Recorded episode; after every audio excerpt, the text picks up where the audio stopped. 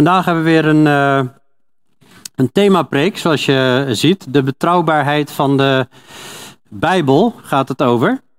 En uh, um, ja, waarom, waarom willen we het hier over hebben? Nou, in ieder geval uh, eigenlijk een jaar geleden. Eigenlijk bijna een jaar geleden uh, wilden we het hier al een keer over hebben. En uh, wilde ook iemand laten komen, een, uh, een wetenschapper. En goed, die kreeg toen corona en heeft wat nasleep gehad. En ja, recentelijk heeft mijn eigen zoon Josai en Boas in de klas ook een gesprek gehad met een, een jongen. En die beweerde dat de Bijbel niet betrouwbaar was op een christelijke school.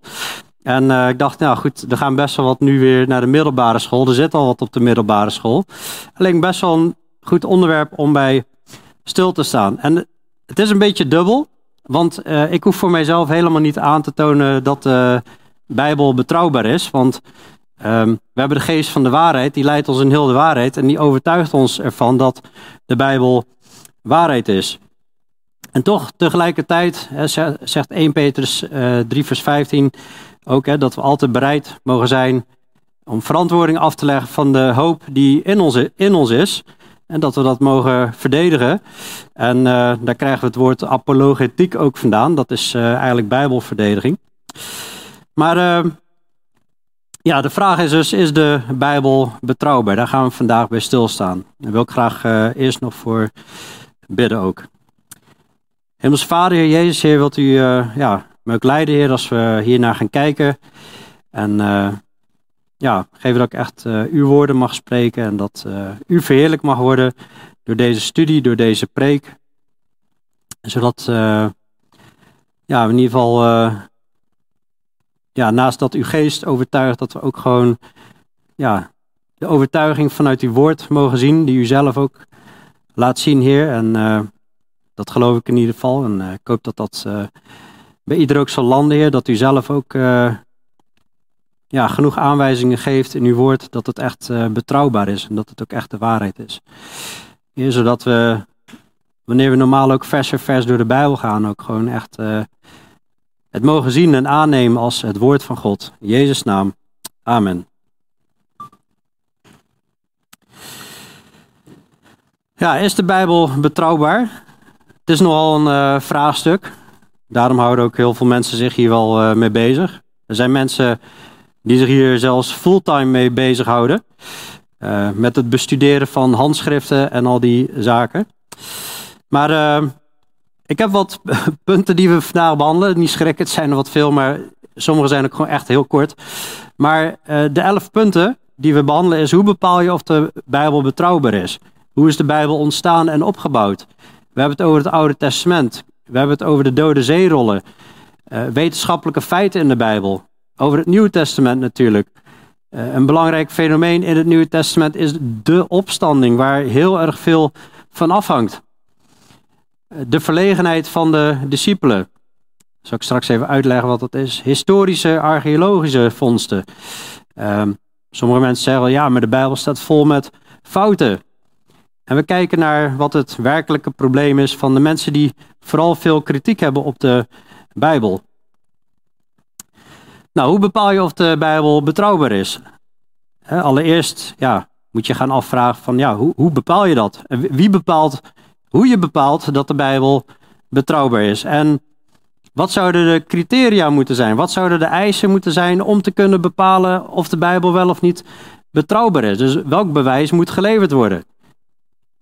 Dat is al een lastige vraag. Wanneer vindt iemand uh, voldoende bewijs, ook echt voldoende bewijs, om overtuigd te raken dat het ook betrouwbaar is? Nou, je kunt ook gewoon kijken wat de Bijbel gewoon zelf geeft aan argumenten voor betrouwbaarheid. Om daar eens mee te beginnen. En zijn er verder historische bewijzen in bijvoorbeeld andere geschriften, als je misschien ooit daaraan twijfelt. Maar de vraag is of je dat nodig hebt. Maar ze zijn er gelukkig wel. Zijn er verder, uh, of in ieder geval dat gaat over historische bewijzen, zijn er verder archeologische bewijzen die misschien nog onderstrepen? En hoe zit het met het Oude Testament en het Nieuwe Testament? Want daar is ook nog wel een verschil tussen. Nou, het is ook wel interessant om te kijken van hoe worden andere geschiedenisboeken nou beoordeeld op betrouwbaarheid. Er wordt natuurlijk ja, algemeen eerst gekeken naar wie schreef het en hoe is het ontstaan. Um, was degene ook een ooggetuige? Dat is best wel een, belangrijk punt al. Als iemand daadwerkelijk ooggetuige was, zoals we hebben in de vier evangeliën, Matthäus, Marcus, Lucas en Johannes, het leven van Jezus, en dan is iets al veel aannemelijker dan wanneer het uh, iemand was van heel ver af. Staan er zaken in een boek die het betrouwbaar maken? Of komt het een beetje over als Donald Duck, een, een, een boek? Hè? Maar nou, bij de Bijbel is dat absoluut niet zo, voor wie hem gelezen heeft. Zijn er andere bronnen over het onderwerp, het verhaal, de plaats, etc.? En dus als je verschillende bronnen hebt, dan maakt het een verhaal heel aannemelijk. Wanneer werd het geschreven? Zijn er kopieën van? En hoe betrouwbaar zijn die? En hoeveel kopieën hebben we? Van wanneer is het kopie? En hoe nauwkeurig is het gekopieerd? Is er gekopieerd? Nou, het zijn allemaal punten om. Ik ga niet allemaal specifiek deze vragen één voor één allemaal behandelen, maar houd dit in je achterhoofd op het moment dat we door de punten heen gaan. En dan zul je zien ja, hoe de Bijbel hierin staat. En dat je zult zien van dat de Bijbel hier niet zwak in staat, maar echt heel erg uh, sterk in deze punten. Nou, als je, als je wil onderzoeken van uh, is iets betrouwbaar, dan is het best wel handig om het ook gewoon te gaan lezen en gewoon te gaan kijken hoe is iets ontstaan en hoe is het opgebouwd. De Bijbel komt van het Grieks biblia en dat betekent boeken. En de Bijbel is dus niet één boek, maar 66 boeken. Heel veel mensen denken van, ja, maar uh, is de Bijbel wel betrouwbaar? En, en denken met een paar argumenten het weer, kunnen weerleggen, maar de Bijbel bestaat uit 66 boeken. Dus als jij wil zeggen, ja, het is niet betrouwbaar, dan zeg je ineens over 66 boeken dat ze niet betrouwbaar zijn. Het zijn 66 boeken en die zijn op een bepaald moment allemaal gebundeld. Het is niet door één schrijver geschreven, maar door ongeveer 14 schrijvers. Over, uh, 40 schrijvers, over ongeveer 1500 jaar. En het bijzondere is dat de schrijvers die schrijven in harmonie met elkaar. Als je het gewoon leest, dan zie je een harmonie. Er zijn wel mensen die hebben kritiek op, ja, maar er staan heel veel fouten in. Daar kom ik straks nog even op terug. Het is over drie continenten geschreven, in drie talen geschreven, Hebreeuws, Grieks en het Aramees. Oude Testament in Hebreeuws, Nieuw Testament in Grieks en in Daniel is nog een, een kort stukje in het uh, Aramees. Dat maakt het al best wel een bijzondere bibliotheek, zo zouden we het moeten noemen. De Bijbel zelf claimt door God ingegeven te zijn. In uh, het Nieuwe Testament staat dat heel de schrift is door God ingegeven. In 1 Timotheus 5 leren we ook dat de schrift, dan wordt het, zowel het Oude als het Nieuwe Testament geciteerd, dat te weten, de schrift, hè, dat benoemt de Bijbel als Oude en Nieuwe Testament, is door God ingegeven. En Petrus die zegt ook in zijn brief in de Bijbel, een van de boeken, wij hebben het profetische woord dat vast en zeker is. U doet er goed aan daarop acht te slaan als op een lamp die schijnt in een duistere plaats, totdat de dag aanbreekt en de morgenster opgaat in uw hart. En dit moet u allereerst weten dat geen enkele profetie van de schrift een eigenmachtige uitleg toelaat. Want de profetie is destijds niet voortgebracht door de wil van de mens, maar heilige mensen van God door de Heilige Geest gedreven hebben gesproken. Dus God spreekt tot mensen. En dan zie je ook dat de mensen zeggen, ja, um, zo zegt de Heer. En dan, dan, dan moeten ze dat woord gaan uh, brengen. En tegelijkertijd is het door mensen geschreven. 100% door God geïnspireerd. Maar je, maar je ziet ook dat God wel het karakter van een mens daarin gebruikt. In die, in die geschriften. En uh, hoewel dit over het Oude Testament ook ging, vooral die profetieën. Um, zie je natuurlijk in het Nieuwe Testament ook heel mooi de vier evangeliën. Waarbij Lucas die schrijft als een, een arts. Heel grondig, heel feitelijk de, de feiten bestudeert. En terwijl Johannes is echt een man die, ja, dan merk je dat, dat is echt een, iemand die echt schrijft vanuit het, het hart. En allebei is geweldig. Allebei is de God geïnspireerd. En toch gebruikt God ook het menselijke karakter daarin. Dat is heel bijzonder. Maar goed, als het dus, als de Bijbel claimt, het is door God ingegeven, dan zou je dus ook verwachten dat het ja, toch echt wel hele bijzondere dingen in zich heeft, verhalen in zich heeft en bewijzen in zich heeft. Dat je ook kan zien van, uh, ja, hier kunnen we niet meer omheen. Dit is echt door God geïnspireerd. Nou, als je al ziet hoe het is ontstaan, dan zie je dus op een gegeven moment uh, God verschijnen voor heel het volk Israël in Exodus, in Exodus 19 en 20. De verhalen begonnen al eerder, maar hier komt de vastlegging van de eerste vijf boeken uh, van de Bijbel. En uh, dat, is, dat is op de berg, God verschijnt voor heel het volk Israël op de berg Sinai, waar hij de wet aan Mozes geeft. En hier staan ruim 2 miljoen mensen staan daar omheen. Dat is niet iets wat je zomaar even bedenkt. Um, en God had hiervoor grootste wonderen en teken gedaan om zijn kracht te bewijzen. Dat hebben we net allemaal behandeld in het boek Exodus. De tien plagen, de doortocht door de zee. En daarna heeft God nog ja, veel meer van, uh, aan, Mozes uh, van de Torah gegeven. De eerste vijf boeken van de Bijbel.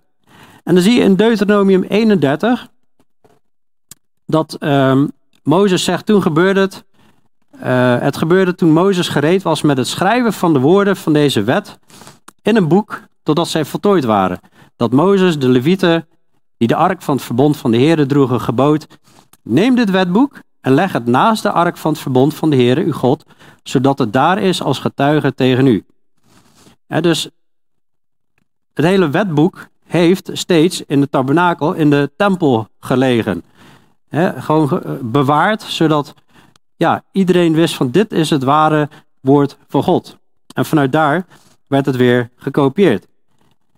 En Mozes schreef zo de eerste vijf boeken van de Bijbel. En juist omdat het zo trouw altijd bij de tabernakels blijven liggen en het van generatie op generatie overgeleverd wordt. En dan zie je dus al dat dat op een hele betrouwbare manier is gebeurd. Vervolgens zie je een lange geschiedenis van Israël in de Bijbel met de lange periode van koningen. En koningen was geboden in die wet die ze in de tabernakel moesten houden. Hun was een gebod gegeven zelf ook een kopie van de wet over te schrijven. En die moesten ze ook steeds bij zich hebben. Dus al die koningen hebben ook nog weer allemaal uh, die wet moeten overschrijven. Die daarnaast ook nog nauwkeurig door de priesters dus bewaard werd. En in de tijd van de koningen staan weer de profeten op. Uh, hoewel er voor die tijd ook zieners waren met nauwkeurige profetieën. En je hebt dus uh, de vijf boeken van Mozes. Dan krijg je de tocht naar Israël, even in, in, in, grove lijnen. En daarna krijg je periode met de koningen, wordt allemaal omschreven. En alle boeken van de profeten hebben we ook nog in de Bijbel. En ook nog boeken van wijsheid. Maar in ieder geval, dit geeft zelf al aanwijzingen hoe het woord is doorgegeven binnen in Israël. En dan nog wat meer over het Oude Testament. Er zijn, als je het Oude Testament leest, zijn er al veel, veel profetieën die al uh, vrij snel in vervulling gingen. Soms uh, direct, soms uh, eh, 150 jaar later, soms een paar honderd jaar later, maar in ieder geval al in de tijd van het Oude Testament. En nou, bijvoorbeeld in een droom van God in Genesis 41, daar werd zeven jaar grote welvaart en zeven jaar grote crisis voorzegd. En dit kwam snel daarna uit. Dat was in het verhaal van Jozef in Egypte. Maar je ziet ook dat profeten van God hebben de ondergang van heel veel landen voorzegd. Zoals Ammon, Edom, Moab, Filistea. Steden, ook, eh, ook van steden zoals Babylon, Nineveh, Tyrus en Sidon. En geen van die steden bestaan vandaag nog. Ik heb recentelijk weer in de profeten zitten lezen en denk je, jongen, jongen, die, die landen zijn zoveel godlos. En God waarschuwt, pas op, je gaat ten onder als je niet bekeert. En het is ook gewoon gebeurd. En wat ook bijzonder is, uh, eh, 150 jaar voor Cyrus of Kores, is een koning van Perzië, dat was een heel machtig koning die geregeerd heeft, zag Jesaja, die zag al hoe hij zou heten en dat hij Jeruzalem zou herbouwen na een periode dat Jeruzalem verwoest was en, en de Joden in gevangenschap waren gaan. Dus als je dit zo ziet, dat maakt de Bijbel al direct heel betrouwbaar, omdat je ziet van hé, hey, er worden profetieën gegeven en die komen ook nog uit. En dit zorgt ervoor dat het al vrij betrouwbaar begint te klinken als profetieën die gegeven worden ook uitkomen. De Bijbel zelf gaf ook al aan dat profeten ook nog eens betrouwbaar moesten zijn. in Deuteronomium 18 zie je bijvoorbeeld wanneer uh, valse profeten, daar gaat het over in dat stuk, in de naam van de Heer spreken en het gebeurt niet en het komt niet uit, dan is dat een woord dat de Heer niet gesproken heeft. In overmoed heeft die profeet dan gesproken. Wees niet bevreesd van hem. Naar zo iemand moest je niet luisteren. Mensen die zelfs meetrokken afgoderij moesten zelfs gedood worden. Dus ja, die profeten kwamen natuurlijk ook niet in de, in de Bijbel terecht. Dat waren geen geloofwaardige profeten. Maar wat voor mij het Oude Testament heel bijzonder maakt. En dit is wat dat betreft, uh, nou ja, gisteren is uh, Badr Hari uh, zwaar knock-out gegaan, heb ik gehoord. Maar dit is voor mij wat dat betreft een zware knock-out als het gaat om het verdedigen van de, de, de Bijbel. Is dat het Oude Testament heeft ongeveer 300 profetieën over het leven van Jezus. En die zijn, die zijn allemaal uitgekomen. Het zegt waar hij geboren wordt, dat hij uit de maagd geboren wordt, dat hij God zal zijn. Het zegt hoe hij zal sterven. En dan nog heel veel details over zijn leven. 300, de, 300 profetieën, dat is echt ongelooflijk. Kun je je voorstellen dat ja, we nu zouden moeten zeggen over iemand die in het jaar 2800 geboren gaat worden, waar die geboren wordt en, en, al deze zaken. En dat zou allemaal uitkomen. Dat is bizar. Dus dit maakt het al een zeer betrouwbaar boek. er zijn mensen die hebben hier kansberekening op losgelaten. Nou, de, de, de rekenmachines die slaan op tilt. want de, de, kans dat toevallig zoveel profetieën allemaal in een leven uitkomen, dat is gewoon, ja, je mag nagenoeg, je mag gewoon 0% zeggen. En dit maakt de Bijbel dus echt al zeer uniek. Dit is een heel, heel zwaarwegend argument, uh, vind ik persoonlijk. En dan zie je in de tijd van Ezra en Nehemia, dat is ook wanneer die koning Kores dus opdracht geeft weer Jeruzalem te herbouwen. Dat is de periode wanneer het Oude Testament gereed komt. Dat werd beëindigd en sindsdien is het ook, ook gevormd. Uh, je zag dat de profeet Daniel, die was al bekend met de, de boeken. Ezra nam ook boeken mee naar Jeruzalem, daar werd uit voorgelezen. dus uh, ja, waarschijnlijk is die in die tijd al grotendeels gebundeld. Maar um, ja, in ieder geval, er zijn uh, bewijzen dat ongeveer 300 jaar voor Christus zeker het Oude Testament al tot stand was gekomen. Maar in de tijd van Jezus werden, werd het Oude Testament werd gewoon als betrouwbare geschriften gezien onder de Joden. En Jezus bevestigt ook de wet en de profeten. Jezus had helemaal geen probleem met van uh, hoe, zou dat allemaal wel betrouwbaar zijn geweest. Nee, hij zag het gewoon als de waarheid. Hij zegt zelfs na de opstanding, uh, in Lucas 24, zei hij tegen de discipelen, dit zijn de woorden die ik tot u sprak toen ik nog bij u was, dat alles vervuld moest worden wat over mij geschreven staat in de wet van Mozes en in de profeten en in de psalmen, op andere plekken, werd ook nog gesproken over de geschriften. Jezus gaat er gewoon vanuit dat dit waarheid is. Dan kun je natuurlijk weer gaan afvragen van, is wat Jezus zegt dan uh, waarheid? Maar daar komen we zo nog op, hè, want um, ik krijg daar heel veel waarde aan als Jezus zegt dat iets waarheid is, omdat hij ook beweert de waarheid uh, te zijn. En daar heeft hij ook heel zwaarwegende argumenten voor. Nou, dan zijn er uh, heel veel fondsen gedaan van manuscripten. Manuscript, dat is een, dat is een handschrift. En we zijn, uh, er zijn momenteel zo ongeveer 3000 oude Hebreeuwse handschriften. Er zijn 8000 in, in Latijn, 1500 in Grieks. Allemaal ja, hele oude. Ze worden gevonden in het gebied wat je hier ziet op de kaart. In Zuid-Europa, Midden-Oosten, Noord-Afrika. Men vindt ze in grotten onder de grond, in gebouwen en soms in oude bibliotheken. Soms wisten mensen er niet eens van dat ze met een heel bijzonder uh, handschrift te maken hadden. Maar dit is wel een bijzonder gegeven dat er heel erg veel kopieën zijn. ze zijn het zijn niet de originele, helaas, dat zou je het liefst willen, maar daar kom ik zo uh, ook nog op terug. Maar het feit dat er zoveel kopieën zijn, dat maakt het ook weer heel geloofwaardig, want dan is het ook heel moeilijk om het even te veranderen. Want je kunt niet zoveel duizenden uh, kopieën die overal verspreid zijn zomaar even uh, veranderen, zeg maar. Dat, dat, dat is onmogelijk. Dat is een, een zeer grote klus. Maar goed, we hebben dus geen origineel. En ja, ik, ik, ik ergens uh, pikte ik deze op van een, een man die zich hier heel erg in verdiept heeft. En nou, ergens was er een origineel. Die hebben wij dan niet. Maar wat we wel hebben is ongelooflijk veel kopieën. En uh, ja, eigenlijk is dat uh, misschien zelfs wel sterker dan wanneer je het origineel zou hebben. Want stel, iemand zou het origineel hebben, heb je weer het risico ja, dat dat soort van aanbeden, aanbeden gaat worden. Of ehm, ja, hoe betrouwbaar is dat? Dan heb je, heb je kans dat het in verkeerde handen valt en dat iemand dat zou kunnen gaan veranderen. Maar al heel snel werd het gekopieerd en ging het dus eigenlijk over een heel groot gebied. En eigenlijk, wanneer ze die kopieën over honderden en soms duizend uh, verschillende jaren bij elkaar leggen, dan zie je eigenlijk dat de kopieerfouten over het algemeen vrij klein zijn. In de orde van, oké, eh, er, er, is, er, is, een spellingfout gemaakt, soms een letter weggelaten, soms toegevoegd. Soms zijn uh, twee woorden aan elkaar geschreven, of soms een woord juist per ongeluk opgedeeld. Dat soort fouten zijn het vooral. En, en een enkele keer ook een, een, een tekst die er niet is, maar dat kun je dan met de hoeveelheid kopieën wel weer uh, rechtbreien. En uh, in het Nieuwe Testament zijn er zelfs ja, nog veel minder variaties dan uh, in, in, dit voorbeeld wat je hier ziet.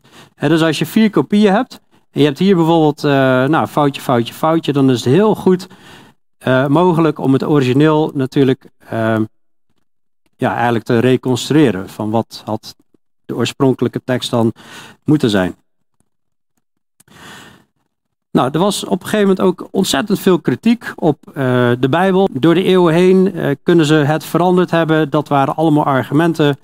En op een gegeven moment vond men ook de Dode Zeerollen in 1947. En die zorgde ervoor dat we konden zien dat er bijna geen fouten gemaakt zijn tijdens eeuwen kopiëren van de Bijbel. Er werden echt uh, ja, tienduizenden fragmenten gevonden.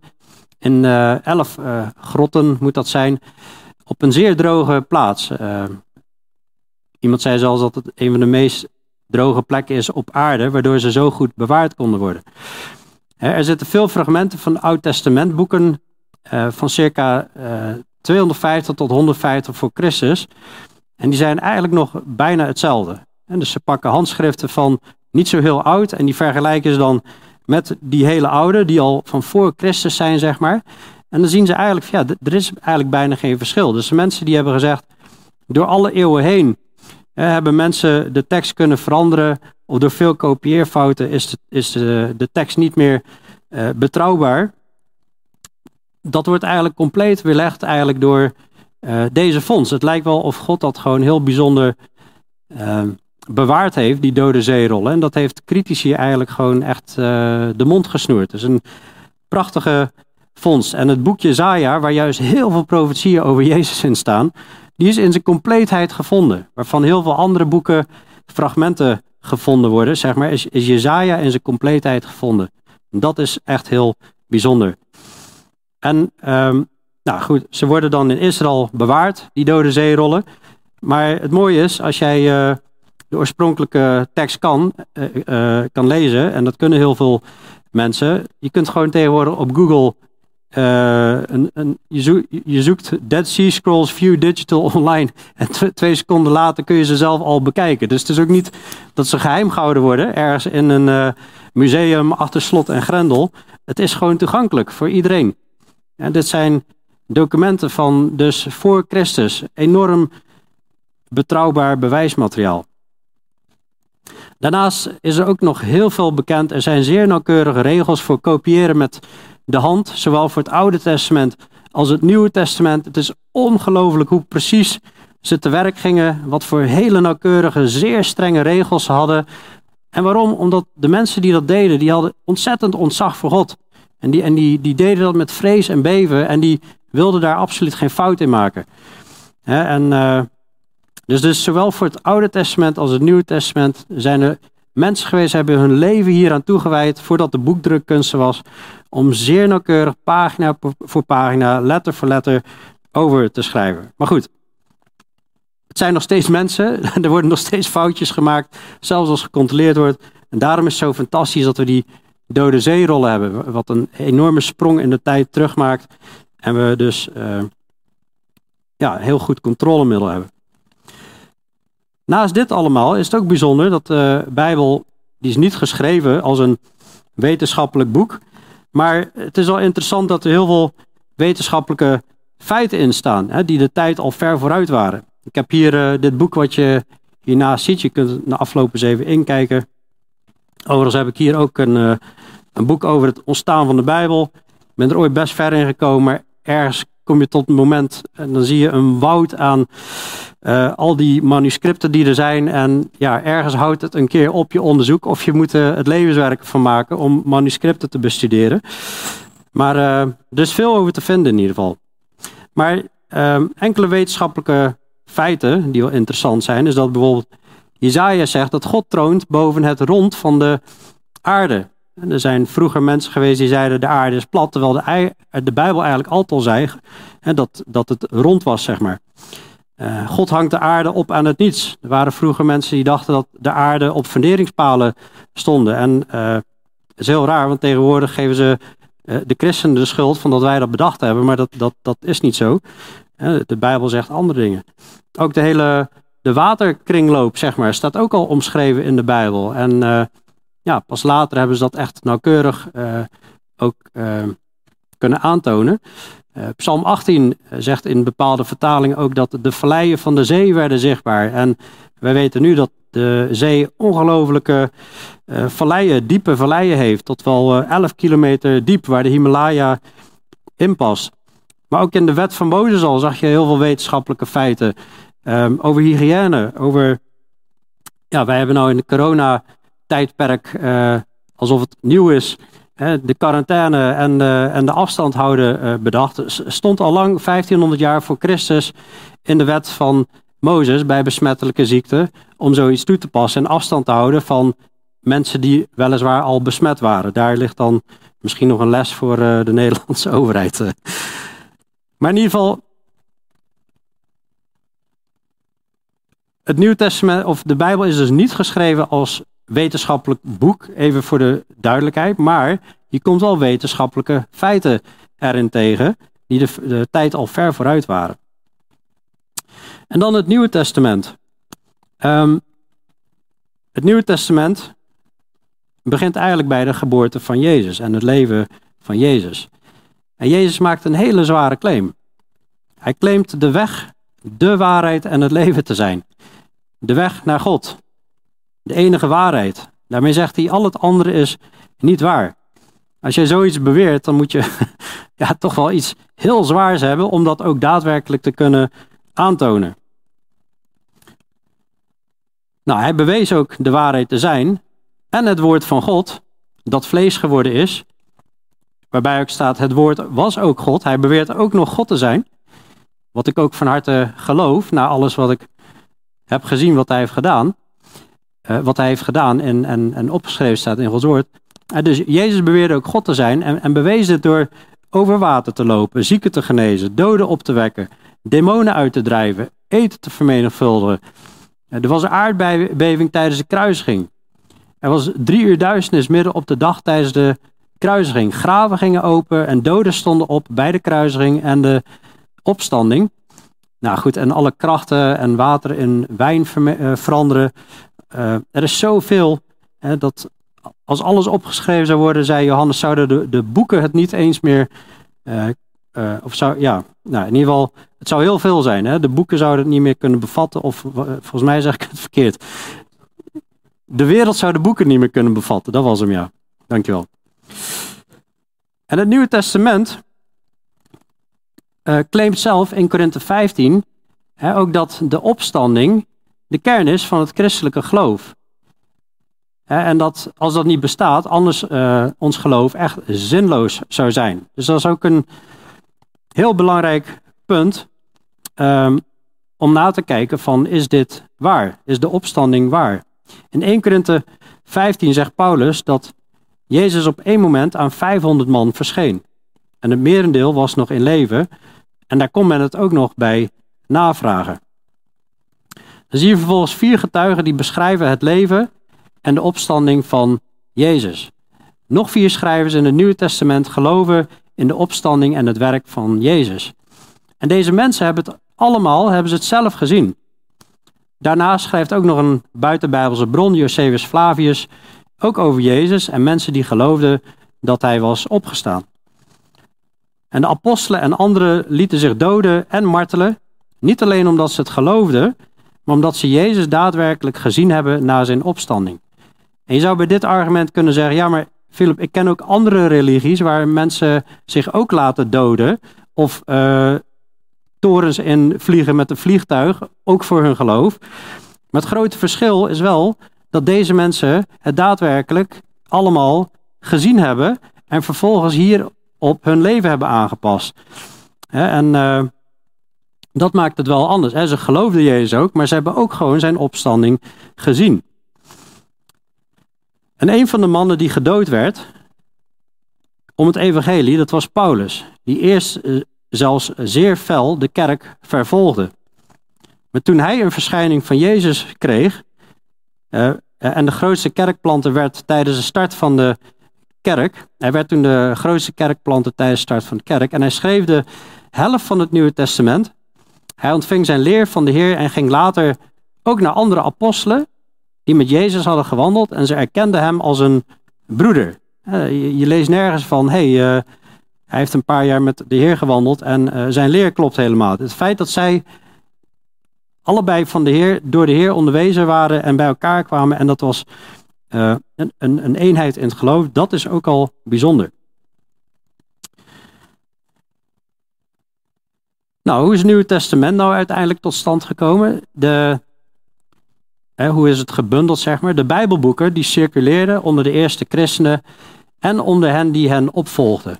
En je ziet in de Bijbel al dat ze brieven aan het uitwisselen zijn onderling in kerken. Dat zie je in 1 Korinthe 1. Die brief was niet alleen voor de Corinthiërs, maar ook voor alle die in de Heer geloofden. In de Colossensebrief wordt gezegd, lees hem ook in Laodicea voor en een brief van Laodicea en Colossense. Dus alles werd al uitgewisseld. En um, er zijn ook heel veel geschriften van, uh, ze noemen dat eerste kerkvaders of leraars. En die citeren gewoon heel veel uit de Bijbelboeken die wij nu hebben. Die, gingen gewoon, die waren gewoon al in omloop. Het is wel zo dat in 325 na Christus werden de Bijbelboeken officieel gebundeld bij de concilie van Nicea. Maar deze waren dus al lang in omloop. En, en dit is wat Bijbelcritici wel eens aanhalen van ja, maar Jezus was uh, rond het jaar nul en pas in uh, eh, 300 na Christus is de Bijbel gevormd. Uh, er zit 300 jaar tussen, dan hebben ze dus van alles ervan kunnen maken. Maar zo is het niet gegaan. Alsof ze toen ineens pas dingen opschreven en even de Bijbel maakten. Dus dat is gewoon niet hoe het is gegaan. want je kunt gewoon lijnen traceren vanaf Johannes.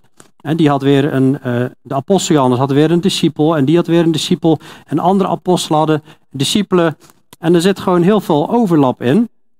Waardoor je gewoon, en, we hebben ook nog heel veel geschriften van die mensen, waarin ze gewoon de Bijbel uh, citeren, zeg maar. En uh, ja, we zouden dus kunnen weten van, de Bijbel was al lang in gebruik, alleen dit is een officieel moment geweest. Nou, en op basis van werken van vroege Bijbelleraars kun je dus zien dat de Bijbelboeken al volop gebruikt werden. En uh, nou is het ook nog zo, hè, er is discussie tussen de katholieke Bijbel en, de, en, en onze Bijbel. Wij hebben uh, eh, 66 boeken, de katholieken hebben wat extra boeken. Uh, bijvoorbeeld de Maccabeeën. Nou goed, tot ongeveer 400 voor Christus heeft God zich geopenbaard aan profeten. En toen hebben we 400 jaar radiostilte gehad, totdat Jezus kwam. En zo'n boek van bijvoorbeeld de Maccabeeën is gewoon puur een, een, een, boek wat gaat over een geschiedenisschrijving van Joden die toen in opstand kwamen tegen de overheersers.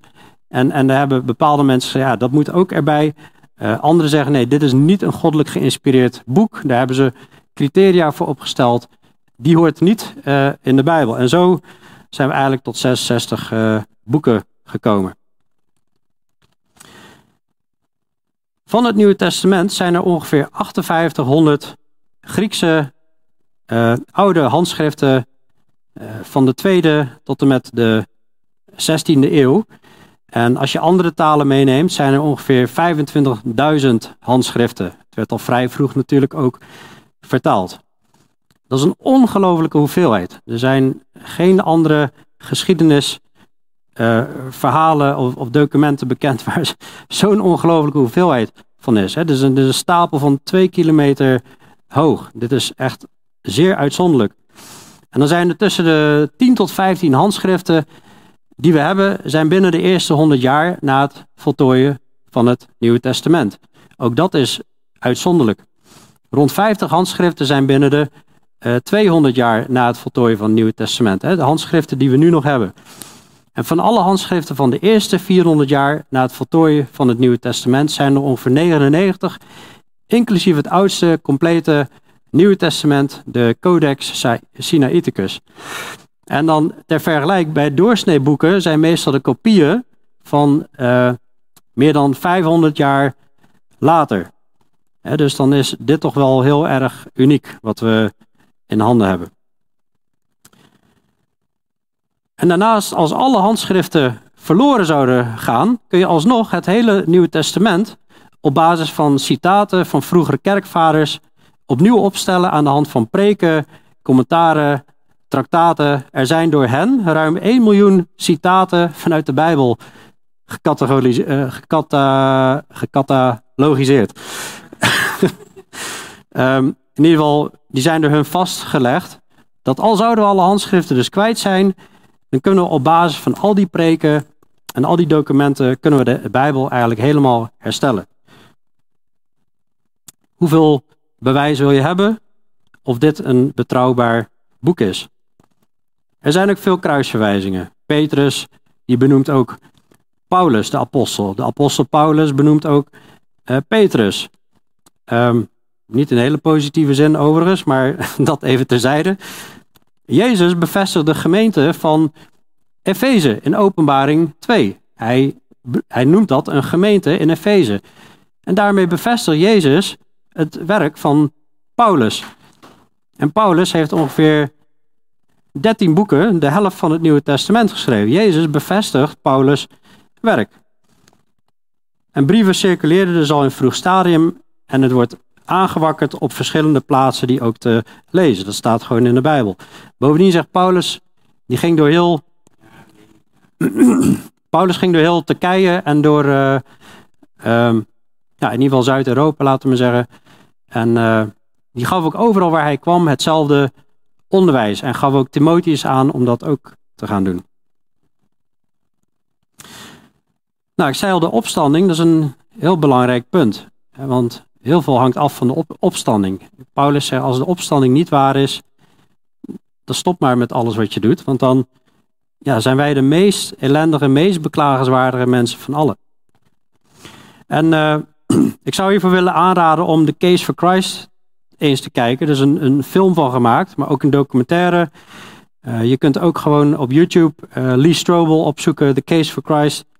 Hij is een schrijver, een onderzoeksjournalist, maar doet ook wetenschappelijke documentaires. En dat is echt heel erg uh, bijzonder.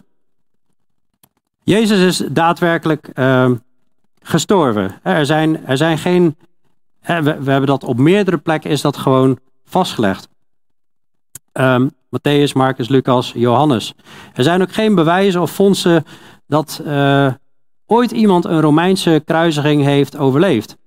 En dat is wat hij, hij aankaart. ook buitenbijbelse bronnen noemen zelfs zijn dood. Er, zijn eigenlijk geen mensen die twijfelen aan de, uh, de dood van, van de Heer Jezus. Hè? Omdat de bewijzen overweldigend zijn. Er was zelfs een, een medische studie in de Journal of American Medical Association, hele mond vol. En die schreef dat het gewicht van de bewijzen er sterk op wijst dat Jezus al gestorven was voordat zijn zij doorstoken werd. Nou, verder, uh, ook eh, direct na de opstanding ontstond er ook een, een gemeenschap van volgers van Jezus, uh, haalt hij aan. Het was niet pas na vele jaren dat het christendom ineens begon op basis van een bedacht verhaal. Nee, meteen na de hele situatie, na de kruising, beweerde iedereen, of iedereen, heel veel mensen, we hebben hem gezien. We hebben hem niet op één plek, maar op meer plekken. En zelfs op één moment aan 500 man tegelijk. En Paulus was dus eerst de vervolger van hen, maar Jezus verschijnt ook aan hem en hij ontmoet later de apostelen, waar ze informatie uitwisselen. Er is veel vastgelegd over de opstanding in het Nieuwe Testament, eh, ook door Paulus, aan wie Jezus ook verschenen is. Op een, een later moment was dat. Ja, verder um, haalt hij ook aan dat volgelingen van Jezus, maar ook tegenstanders van Jezus, de Joden, bevestigen zelfs dat zijn graf leeg is. Terwijl ze hem eerst, eerst hebben laten beveiligen door soldaten, omdat ze bang waren dat het misschien gestolen zou worden. Hè, of dat hij uh, gezegd had dat hij op zou staan. hebben ze zijn graf laten bewaken. En geloof me, als Romeinse soldaten iets gaan bewaken, dan doen ze dat ook met heel hun leven. Want alles hangt daar, hun leven hangt daar vanaf. Maar je ziet gewoon dat er uh, bevestigd wordt door tegenstanders dat het graf leeg is. En dat is ja, bewijs binnen en buiten de Bijbel. En er zijn dus negen verslagen van ooggetuigen binnen en buiten het Nieuwe Testament die zeggen dat discipelen Jezus hebben gezien na zijn opstanding. Hoeveel bewijs wil je hebben? Het is dus niet één boek. Er zijn meerdere getuigen die boeken hebben geschreven. Het is een verzameling van boeken. Het is nu pas één boek. Het is niet nu pas, maar het is nu één boek. Maar uh, er zijn gewoon verschillende verslagleggingen. Dus als je in een rechtszaak meerdere getuigen hebt, dan staat een zaak best wel heel sterk natuurlijk. En die ook nog hetzelfde verhaal vertellen. Dan heb je nog de verlegenheid van de discipelen. Dat betekent niet dat het hele verlegen mensen waren, maar dat ze op heel veel plekken eigenlijk gewoon in verlegenheid worden gebracht. En zelfs ja, Jezus op het moment echt in verlegenheid wordt gebracht. Wat eigenlijk ook weer een sterk argument is, waardoor het juist, uh, waarom het juist heel geloofwaardig is. Want als jij een verhaal zou bedenken, uh, de meeste verkopers die iets aan de man willen brengen, brengen alles juist heel goed en positief. Maar het, feit dat er zoveel falen in staat van de mens, maakt alleen maar geloofwaardiger. En discipelen die vluchten bijvoorbeeld bij Jezus gevangenneming als, als, als laffe honden. En uh, Jezus' familie die verklaart hem gewoon compleet voor gek. Een grote menigte vindt op een bepaald moment Jezus woorden hard en die vertrekt. Waarom zou je dat zeggen over je grote leider die je dan graag wil promoten als je dit verhaal zou uh, verzinnen? De kruising is, is echt een hele zware vernedering voor de leider van een geloofsbeweging. Als hij niet was opgestaan, en dan denk ik dat er echt serieus heel veel mensen uh, afgehaakt zouden zijn. En discipelen die sterven dus voor het evangelie omdat ze de opstanding hebben gezien. Ze hebben het echt gezien, strijden daarvoor en sterven daarvoor. Dus ook het principe van de verlegenheid, en dat ze in verlegenheid worden gebracht, laat eigenlijk ook weer zien van, hè, dit, dit, dit wijst er heel sterk op dat dit gewoon heel betrouwbaar is. Waarom zou je dat anders bedenken? Nou, daarnaast heb je ook nog gewoon historische en archeologische fondsen. Heel veel fondsen. Ik noem er maar een paar. Um, heel lang werd gezegd, ja, eh, er zijn heel veel dingen helemaal niet uh, aangetoond in de Bijbel. Dat die bestonden, zoals het badhuis van Siloam. En ineens, pop, wordt het ontdekt, wordt het gevonden.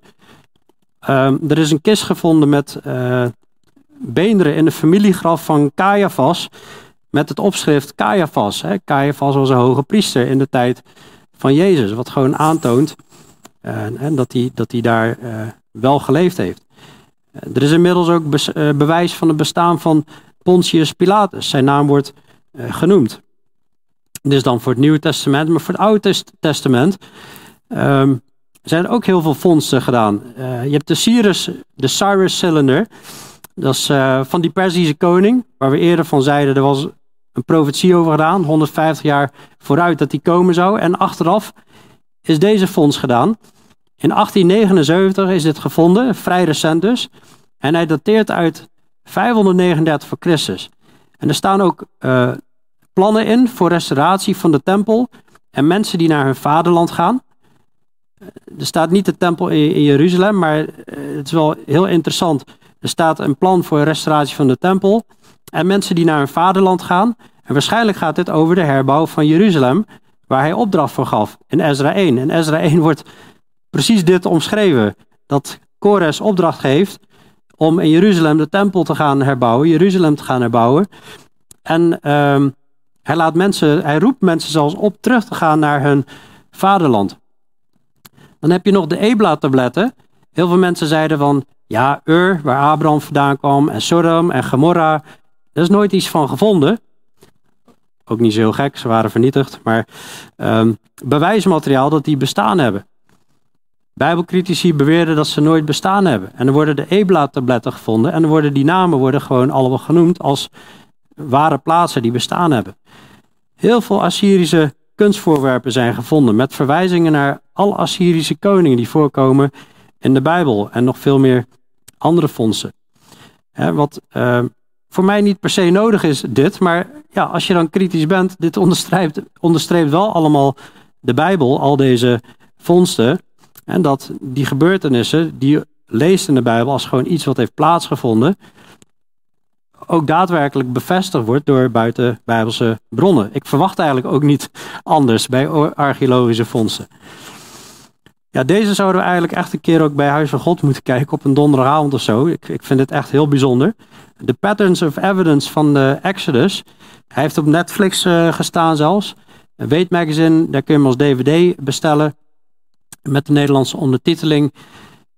Er is heel veel bewijsmateriaal waarvan heel veel uh, niet-gelovige historici, wetenschappers zeggen van... Ja, we hebben hier wel deze fonds en fonds, uh, maar ja, dat dateert uit een ander tijdvak. En dat blijven ze over heel veel dingen zeggen, waarin hij laat zien van... Ja, maar eh, het lijkt wel of ze heel veel dateren in een verkeerd tijdvak... Maar hij, heeft hij laat aanwijzingen zien dat ze in een ander tijdvak horen. En dan heb je echt een, een zee, een zee aan archeologische bewijzen, of in ieder geval hele sterke aanwijzingen. Uh, en ook een heel groot patroon van de hele Exodus, van de uittocht uit uh, Egypte. Nou, dan zijn er heel veel mensen die ook spreken over, ja, maar ja, de Bijbel, als dat woord van God is, dan zouden er toch geen fouten in mogen staan. En het staat vol met fouten. Nou, de enige fouten die voor zouden kunnen komen, die ja, een soort van legitiem zijn, hè, dan zouden overschrijffouten kunnen zijn. Of in ieder geval uh, ja, kopieerfouten, maar die kunnen we heel goed dus uh, elimineren. Maar we hebben het hier over fouten waarvan men zegt, ja, de Bijbel spreekt zichzelf tegen. En nou, ze hebben dan allemaal, allemaal voorbeelden. En er zijn punten waarvan je ogenschijnlijk hè, op het eerste oog denkt van, oh oké, dat is interessant. Maar als je eigenlijk goed onderzoekt, zijn er goede verklaringen voor. En bijvoorbeeld in het verhaal in 2 Samuel 24, vers 1, daar staat, de toorn van de Heere ontbrandde opnieuw tegen Israël. Hij zette David tegen hen op door te zeggen, ga Israël en Juda tellen. Precies hetzelfde verhaal staat ook opgeschreven in 1 uh, Kronieken 21. Waarin staat van toen stond de Satan op tegen Israël en hij zette David ertoe aan om Israël te tellen. En ik, ja, dit is een fout. Was het nou God of was het nou... Hè, dit, het ene verhaal zegt dit, het andere verhaal zegt dat. Maar we vinden gewoon wel op meer plekken, um, zoals bijvoorbeeld in het boek Job, en dat Job toestaat dat bijvoorbeeld Job getest wordt, maar Satan uiteindelijk uh, Job gaat aanvallen. dus dit hoeft helemaal geen. Uh, uh, dit hoeft helemaal niet te betekenen dat het zichzelf tegenspreekt, maar ja, dat, dat, dat God zegt vanwege een bepaalde aanleiding van ik ga dit en dat doen, en dan eigenlijk Satan toestemming geeft om dat te gaan doen. Dat is een hele logische verklaring, vind ik. Nou, zo zijn er ongeveer 800 van dit soort argumenten dat ze zeggen van, misschien wel meer, maar in ieder geval, ik heb hier een boek en daar worden de ongeveer 800 zogenaamde tegenstrijdigheden in behandeld. Dus als iemand interesse heeft om dat even door te lezen, dan succes. ik gebruik hem meer als een naslagwerk. Maar wat is uiteindelijk het werkelijke probleem? Want hoe, hoeveel, we hebben nu best wel wat argumenten aangehaald. En, en je zou er nog meer over kunnen zeggen. Je zou over het Oude Testament nog aparte lezing kunnen houden. Over het Nieuwe Testament nog aparte lezing. En dan over archeologische fondsen nog aparte lezing. Maar wanneer is genoeg genoeg? Wat heb je nodig om overtuigd te raken? Wat is het werkelijke probleem? Ik denk als je dit ziet, weinigen twijfelen of Jezus heeft bestaan. Daarnaast zie je dat de opstanding, het is een zeer geloofwaardig, geloofwaardig verhaal. De opstanding, zegt men, is het best gedocumenteerde feit in de geschiedenis. 300 profetieën zijn vervuld in Jezus' leven. Geen enkel boek heeft zo'n krachtig intern bewijs. En dan hebben we nog niet gehad over alle andere profetieën die al vervuld zijn. En dan hebben we het ook nog niet gehad over de andere profetieën die nu in vervulling het gaan zijn. En die nog in vervulling moeten gaan. Waarin we, waarvan we al aanwijzingen zien dat dat in werking treden is. Direct ontstond er een grote geloofsgemeenschap, volgelingen van Jezus op basis van zijn opstanding. Er zijn veel archeologische, historische vondsten die de Bijbel onderstrepen. En Jezus bewees dat hij God was, maar waar we het nog niet over hebben gehad, hè, dat is wat, wat leert de Bijbel dan eigenlijk? Nou goed, de meesten die hier geregeld komen weten daar natuurlijk al veel meer van. Maar hè, we zijn aan het kijken van, ehm, is de Bijbel betrouwbaar? En de Bijbel leert als enige van alle godsdiensten dat je jezelf niet kan redden door goede werken. Waarvan redden? Van het eeuwige oordeel. De Bijbel leert dat ieder mens zonder is en daardoor verloren is. De Bijbel leert dat alleen God je kan redden van het eeuwige oordeel. De Bijbel leert dat God van je houdt en een relatie met je wil. En Jezus is de weg, de waarheid en het leven. Je komt alleen bij God de Vader door Jezus. Dus de Bijbel claimt voor al het andere is afgoderij. Al het andere is mensen die proberen goede werken te doen en naar God te komen. De Bijbel zegt nee, God reikt uit naar beneden. Hij heeft alleen de oplossing. Jij moet alleen dit aannemen. De Bijbel claimt dezelfde God ingegeven te zijn, hebben we al gezien. Heel de schrift is God ingegeven. Het is vast en zeker. Profeten, heilige mensen van God hebben door de Heilige Geest gedreven, uh, door de Heilige Geest gedreven, hebben gesproken, hebben we gezien. Maar wat ik denk dat het echte probleem is, is dat mensen onderdrukken de waarheid en ongerechtigheid. Dat leert Paulus al in Romeinen 1, op basis van de schepping, en dat ze de schepper wegdrukken. Daarin staat dat de toorn van God wordt geopenbaard vanuit de hemel over alle goddeloosheid en ongerechtigheid van de mensen, die de waarheid in ongerechtigheid onderdrukken. Omdat wat van God gekend kan worden hun bekend is. God zelf heeft het hen immers geopenbaard, want de dingen van hem die onzichtbaar zijn, worden sinds de schepping van de wereld uit zijn werken gekend en doorzien. Namelijk en zijn eeuwige kracht en zijn goddelijkheid, zodat zij niet te verontschuldigen zijn. Dus God zegt al vanuit de schepping, ik besta. Kijk mijn grote werk. Mijn eeuwige kracht en goddelijkheid wordt erin gezien. Mijn handtekening zit overal in. Maar wat doet de mens? Ze hebben de waarheid in ongerechtigheid onderdrukt. Die vetgedrukte regel. Wat betekent dat? Ze willen zondigen. Ze willen hun eigen lusten, hun eigen weg volgen en drukken de waarheid weg. En dat gaat alleen al over de schepping. Maar de les hieruit is dat God dus zijn waarheid in stand houdt en openbaart. En zo doet hij dat ook met zijn woord. 1 Petrus 1 zegt, alle vlees is als gras en al de heerlijkheid van de mensen is als een bloem in het gras. Het gras is verdord en zijn bloem is afgevallen. Maar het woord van de Heere blijft tot in eeuwigheid. En dit is het woord dat onder u verkondigd is.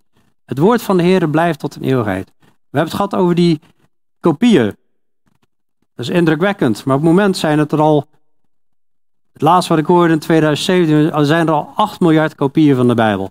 En ik denk dat het misschien wel over de 10 miljard zijn nu. En hebben we het nog niet over de digitale versies, die veelvoudig gebruikt wordt.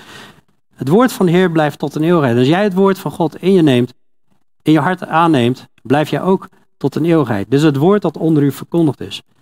Maar mensen willen eigenlijk in een zonde leven. En dat is eigenlijk de reden waarom ze kritiek hebben op de Bijbel en het niet willen aannemen als waarheid. De Bijbel zegt ook dat er verblinding is bij ongelovigen. 2 Korinthe 4 zegt dat van hen de ongelovigen geldt dat de God van deze eeuw, dat Satan hun gedachten heeft verblind. Opdat de verlichting met het evangelie, die goede boodschap van de heerlijke heerlijkheid van Christus, die het beeld van God is, hen niet zou bestralen. Want wij preken niet onszelf, maar Christus Jezus als Heer en onszelf als uw dienstknechten om Jezus wil. Want God, die gezegd heeft dat het licht uit de duisternis zou schijnen, is ook degene die in onze harten geschenen heeft, tot verlichting met de kennis van de heerlijkheid van God in het aangezicht van Jezus Christus. Dus God schijnt in de harten met de boodschap van Jezus. En dan weet je gewoon, dit is, dit is gewoon de waarheid. Als iemand zijn hart ook keihard verhardt en sluit voor deze boodschap, en dan is er ook geen ruimte. God wil niet dat zijn woord aangetast wordt. En God is degene die het ook in stand houdt. Er wordt ook ernstig gewaarschuwd. Daarom gingen die kopieerders zeer zorgvuldig te werk. Want de Bijbel zegt: voeg niets toe aan zijn woorden, anders zal hij u straffen, opdat u een leugenaar zou blijken te zijn. En openbaring, omwille van de tijd sla ik het even over, maar waarschuwt op het eind, laatste woorden van de Bijbel, Voer je niets aan toe, doe je niets aan af, of alle plagen van dit boek zullen over je komen. Een zware waarschuwing. En moraal van het verhaal is dat God heeft de wereld zo lief dat hij zijn enige geboren zoon gegeven heeft, zodat ieder die in hem gelooft niet verloren gaat, maar eeuwig leven heeft. En dan gaat verder in, dat was Johannes 3, vers 16 en vers 17, zegt God heeft zijn zoon niet in de wereld gezonden, opdat hij de wereld zou veroordelen, maar opdat de wereld door hem behouden zou worden. God kwam met zijn reddingsplan. En wat mensen willen tegenspreken van nee, nee, nee, dit is allemaal niet waar. Terwijl God met een grote, grote reddingsactie bezig is.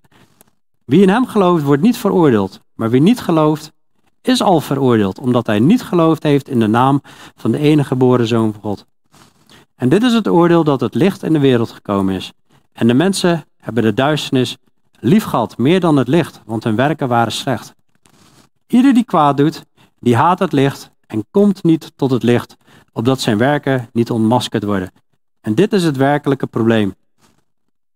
Mensen willen kwaad doen, mensen willen gewoon hun eigen weg gaan, mensen willen zondigen en daardoor komen ze niet tot het licht. En daarom trappen ze tegen de waarheid aan en zullen, hoeveel argumenten je ook zal aandragen, het niet aannemen als waarheid, totdat ze zich nederig en open opstellen naar God. En dan zal, er een wereld voor mensen opengaan. Maar wie de waarheid doet, komt tot het licht, opdat van zijn werken openbaar wordt dat ze in God gedaan zijn. Ik ben niet alleen van mening dat de Bijbel betrouwbaar is, ik ben zelfs van mening dat de Bijbel het meest betrouwbare boek is wat je op aarde kan vinden. Ik ben zelfs van mening dat het de waarheid is. Niet alleen maar vanwege deze feiten, maar omdat God zijn geest geeft aan wie in hem geloven. En de geest van de waarheid jou overtuigt dat God bestaat en dat dit verhaal waar is. Miljarden mensen gaven een leven aan Jezus.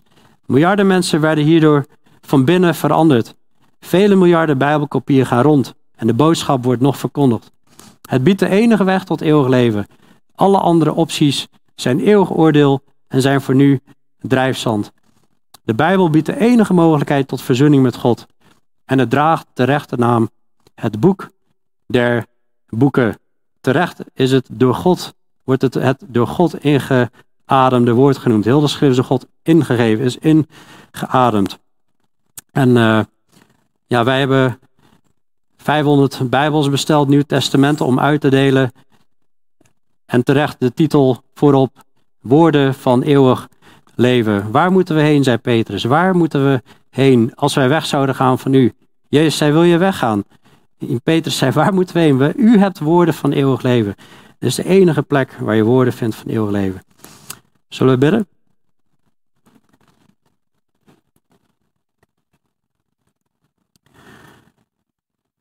Ja, als we zo uh, even sneltrein vaart door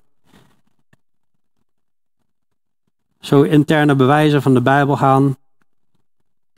En ook externe fondsen die het onderstrepen. Heer, ik, uh, ik vind het ontzettend indrukwekkend. En uh, ik ben u dankbaar, Heer, dat u uw woord zo hebt opgesteld voor ons en zo hebt bewaard. Dat u ook zo die dode, dode hebt bewaard, Heer, om critici de mond te snoeren.